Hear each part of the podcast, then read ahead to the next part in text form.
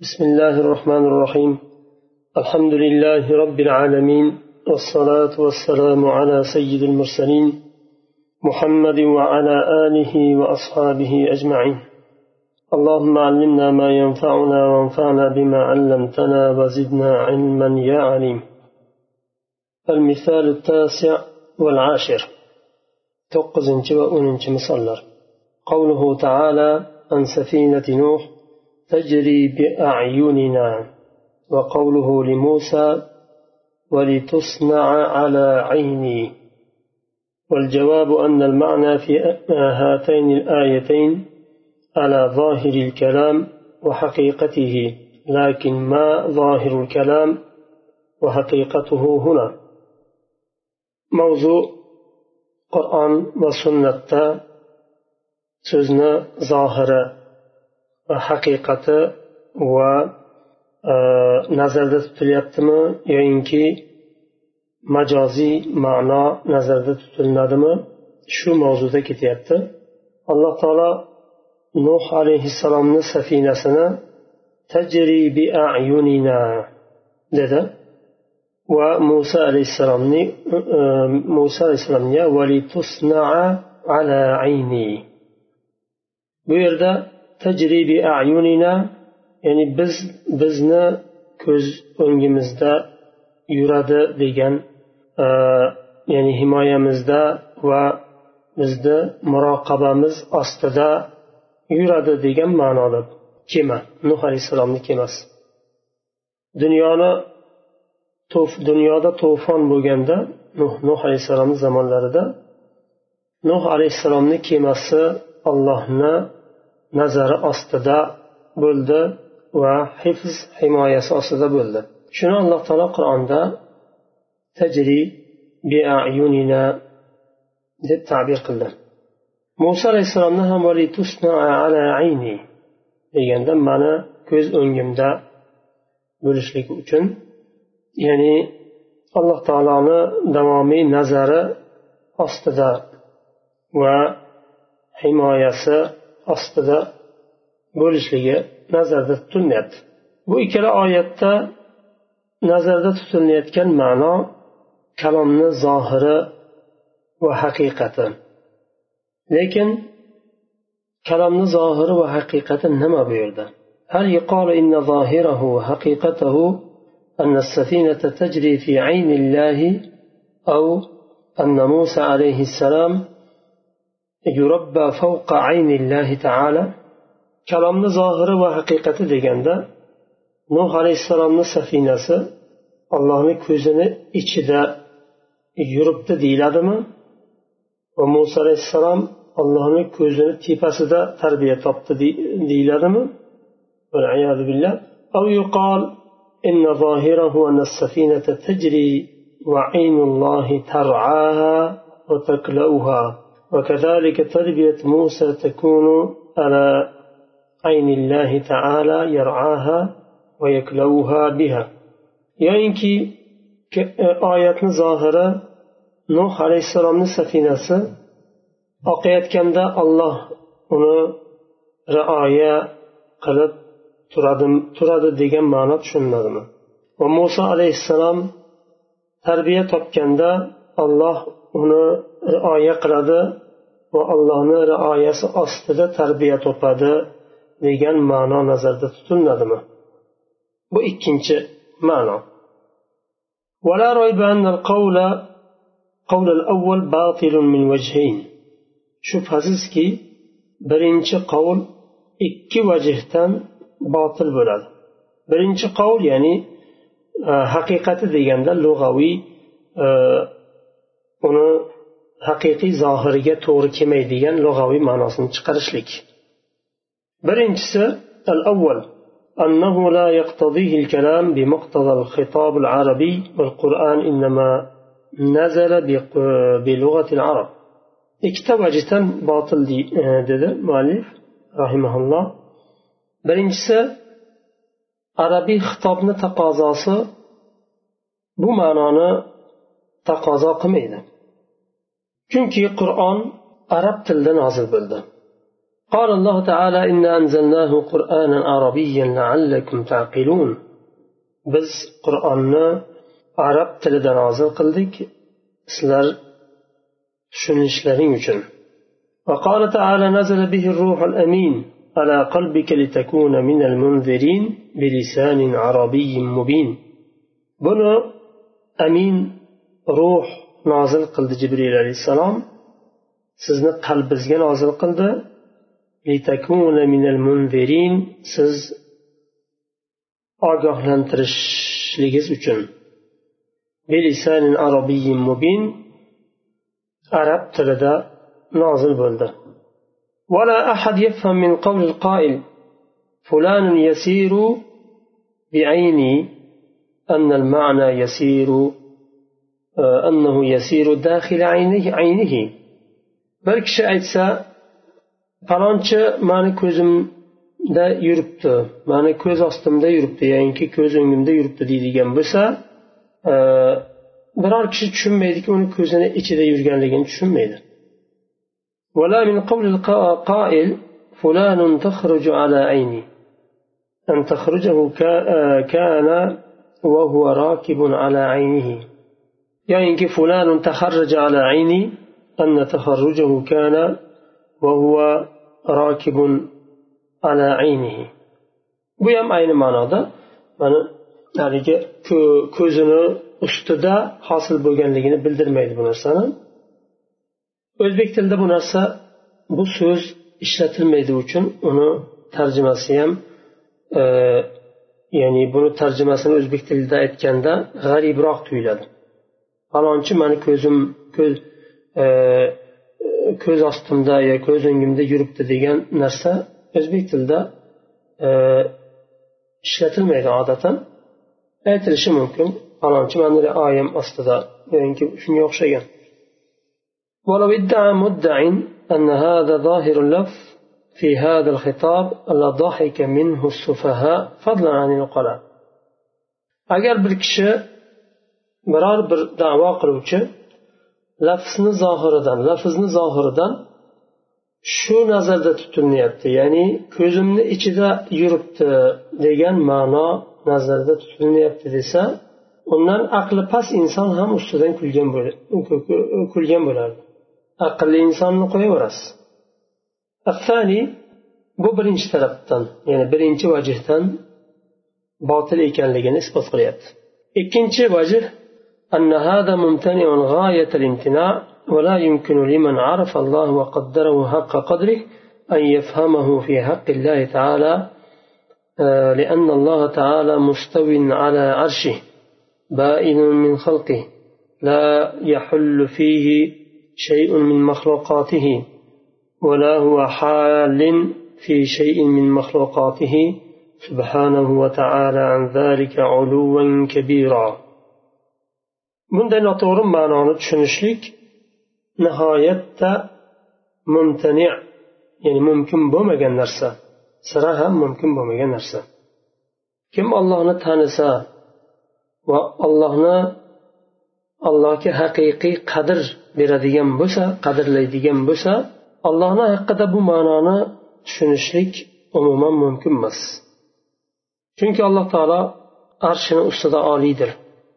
Xalqidan ajralgan boin hech qanday bir e, maxluqotlardan biror bir narsa olloh bilan e, bir bo'lishligi mumkin emas va alloh taolo ham maxluqotlariga qorishishi mumkin emas alloh taolo bu narsadan oliydir فإذا تبين بطلان هذا من الناحية اللفظية والمعنوية تعين أن يكون ظاهر الكلام هو القول الثاني أجر بمعنى لفظي tarafdan va ma'naviy tarafdan botil ekanligi bayon bo'lgan bo'lsa demak bizga zohir bo'ladiki bayon bo'ladiki ikkinchi ma'no nazarda tutilayotganligi ikkinchi qovul ya'ni yuqorida ikkita qovul keltirdi bundaymi yo undaymi degan shuni ikkinchi qovul nazarda tutilayotganligi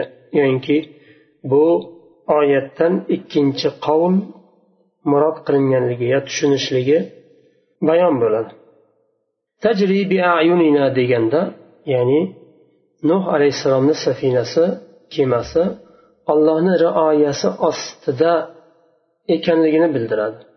Muso alayhissalom tarbiya topganlarida allohni rioyasi ostida tarbiya topganliklari bilinadi nazarda tutiladi قول الثاني ديجندا أن السفينة تجري وعين الله ترعاها وتكلوها وكذلك تربية موسى تكون على عين الله تعالى يرعاها ويكلوها بها. وهذا معنى قول بعض السلف بمرأى مني. بعض السلف salaf solihlar aytgan bemar'a minni degani ham mani rioyam bilan rioyamni ostida degan mazmunni bildiradi فإن الله تعالى إذا كان يكلوه بعينه لازم من ذلك أن يراه ولازم المعنى الصحيح جزء منه كما هو معلوم من دلالة اللفظ حيث تكون بالمطابقة والتضمن والالتزام.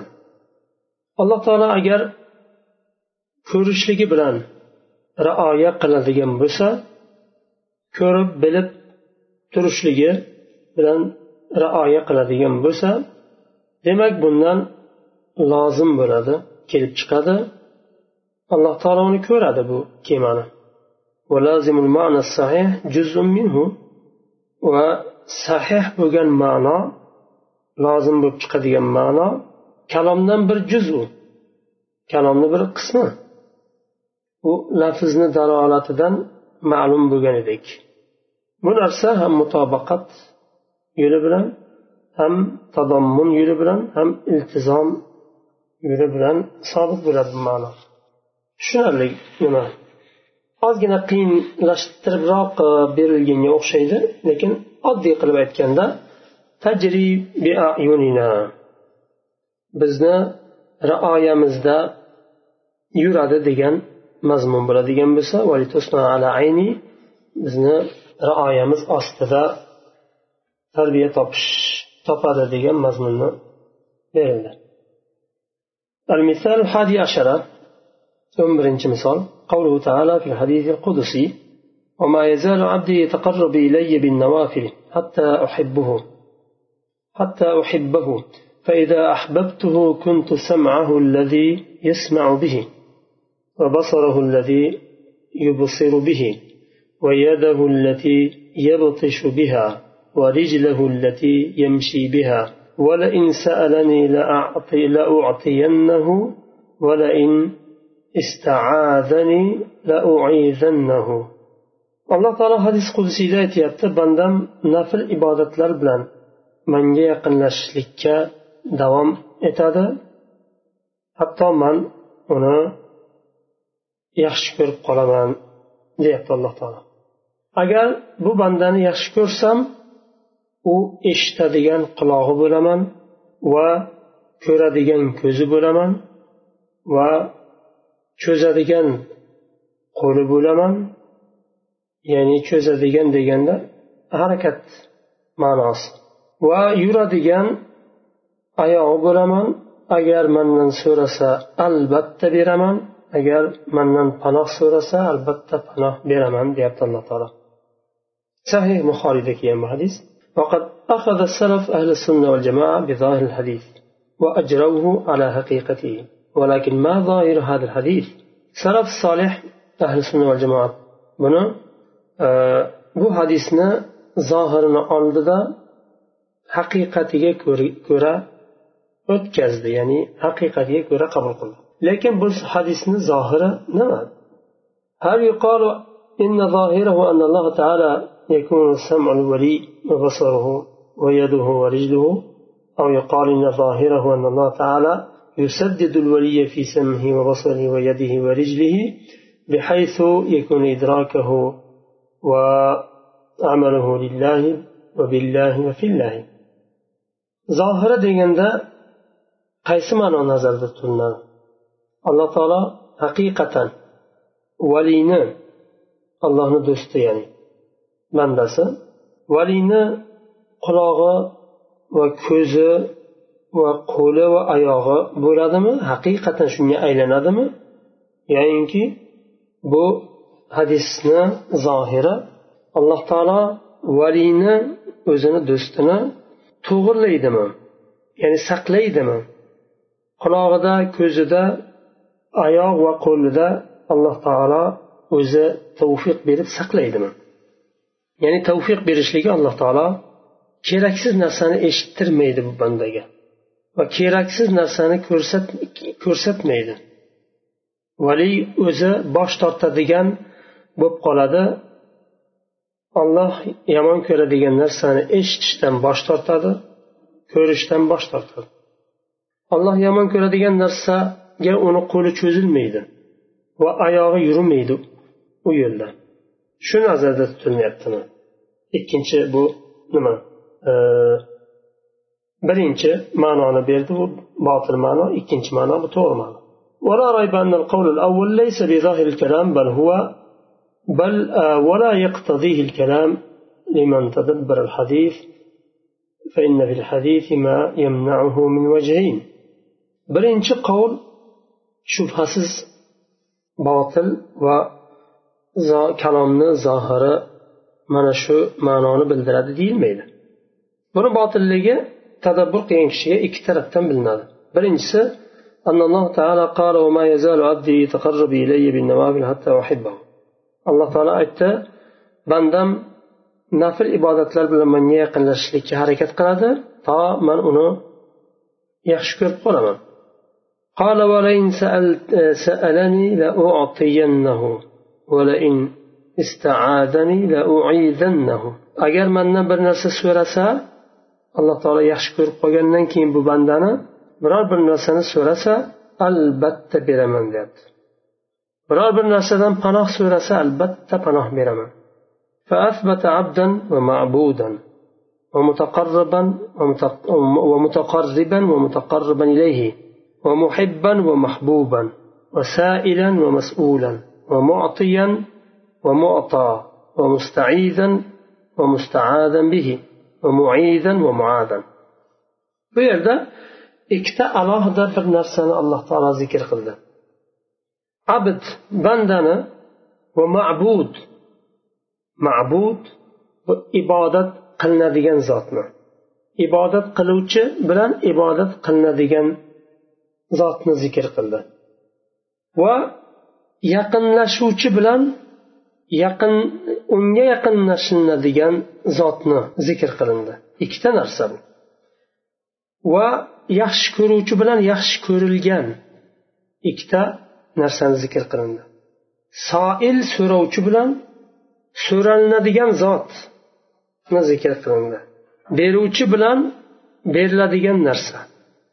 Panoh so'rovchi bilan panoh beriladigan panoh so'ralgan narsa panoh beruvchi bilan panoh berilgan narsa bular hammasi alohida alohida bo'lgan ikkita narsani hozir hadisda zikr qilindi فسياق الحديث يدل على اثنين متباينين كل واحد منهما غير الآخر hadisni siyoqi dalolat qiladi ikkita mutaboyin bo'lgan narsaga ularni har bittasi boshqasidan alohida bir narsa وهذا يمنع أن يكون أحدهما وصفا للآخر في الآخر أو جزءا من أجزائه bu narsa man qiladi bu ma'no man qiladi ikkalasi mutaboyin ikkita narsa bo'lganligi man qiladi ularni bittasi ikkinchisini sifati bo'lishligini man qiladi yoyinki ularni bittasi ikkinchisini bir juzi ekanligini man qiladi agar bittasi ikkinchisini sifati bo'ladigan bo'lsa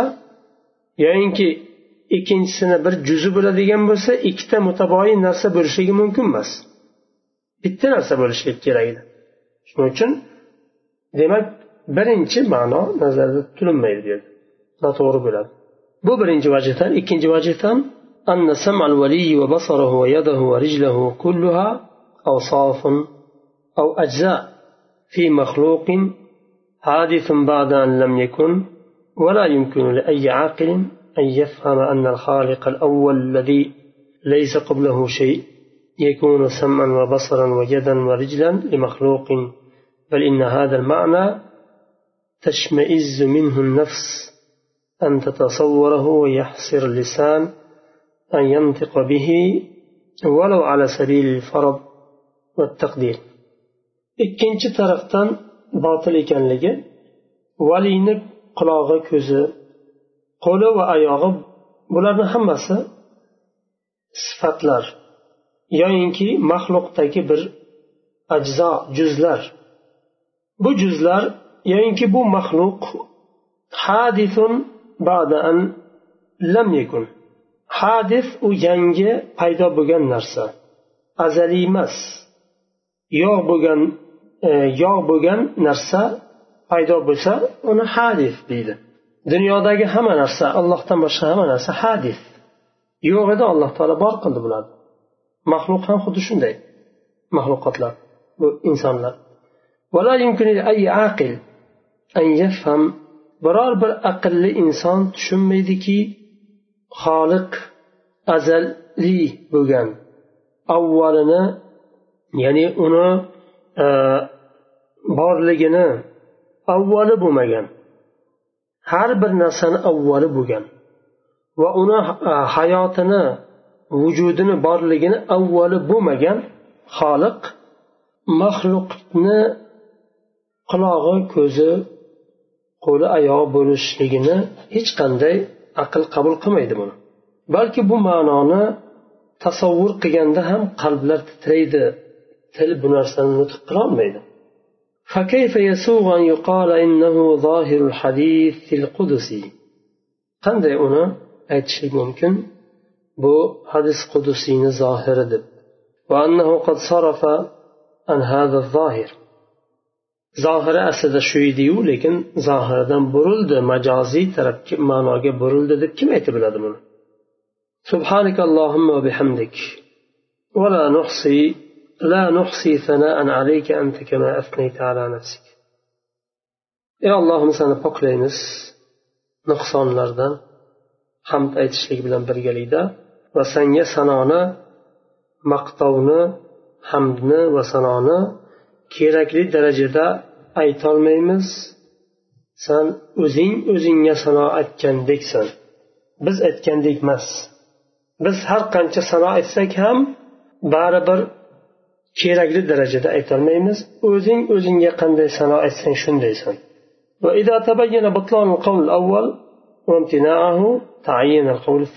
agar birinchi ma'no botilligi tayin bo'ladigan bo'lsa demak ikkinchi ma'no nazarda tutiladi ya'ni ikkinchi ma'no tayin bo'ladi أن الله تعالى يسدد هذا الولي في سمعه وبصره وعمله بحيث يكون إدراكه بسمعه وبصره وعمله بيده ورجله كله لله تعالى إخلاصا بالله وبالله تعالى استعانة وفي الله تعالى شرعا واتباعا فيتم له بذلك كمال الإخلاص والاستعانة والمتابعة وهذا غاية التوفيق.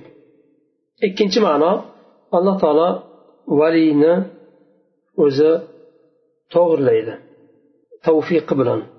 Uni eshitishligida ko'rish qarashligida va e, qo'li va oyog'i bilan bo'lgan amallarida alloh taolo to'g'irlaydi va rioya qiladi. Hatto har bir amali alloh uchun e, bo'lishligi va allohni yo'lida bo'lishligi uchun alloh taolo uni o'zi توفيق بلان تغر ليدا وهذا ما فسره به سلف. سلف صار شنده تفسيقيا. وهو تفسير مطابق لظاهر اللفظ موافق لحقيقته متعين بسياقه. bu tafsir lafzni zohiriga mutobiqdir va haqiqasi موافق در. va بلان shuni mutaayyin bo'lgan ma'no shu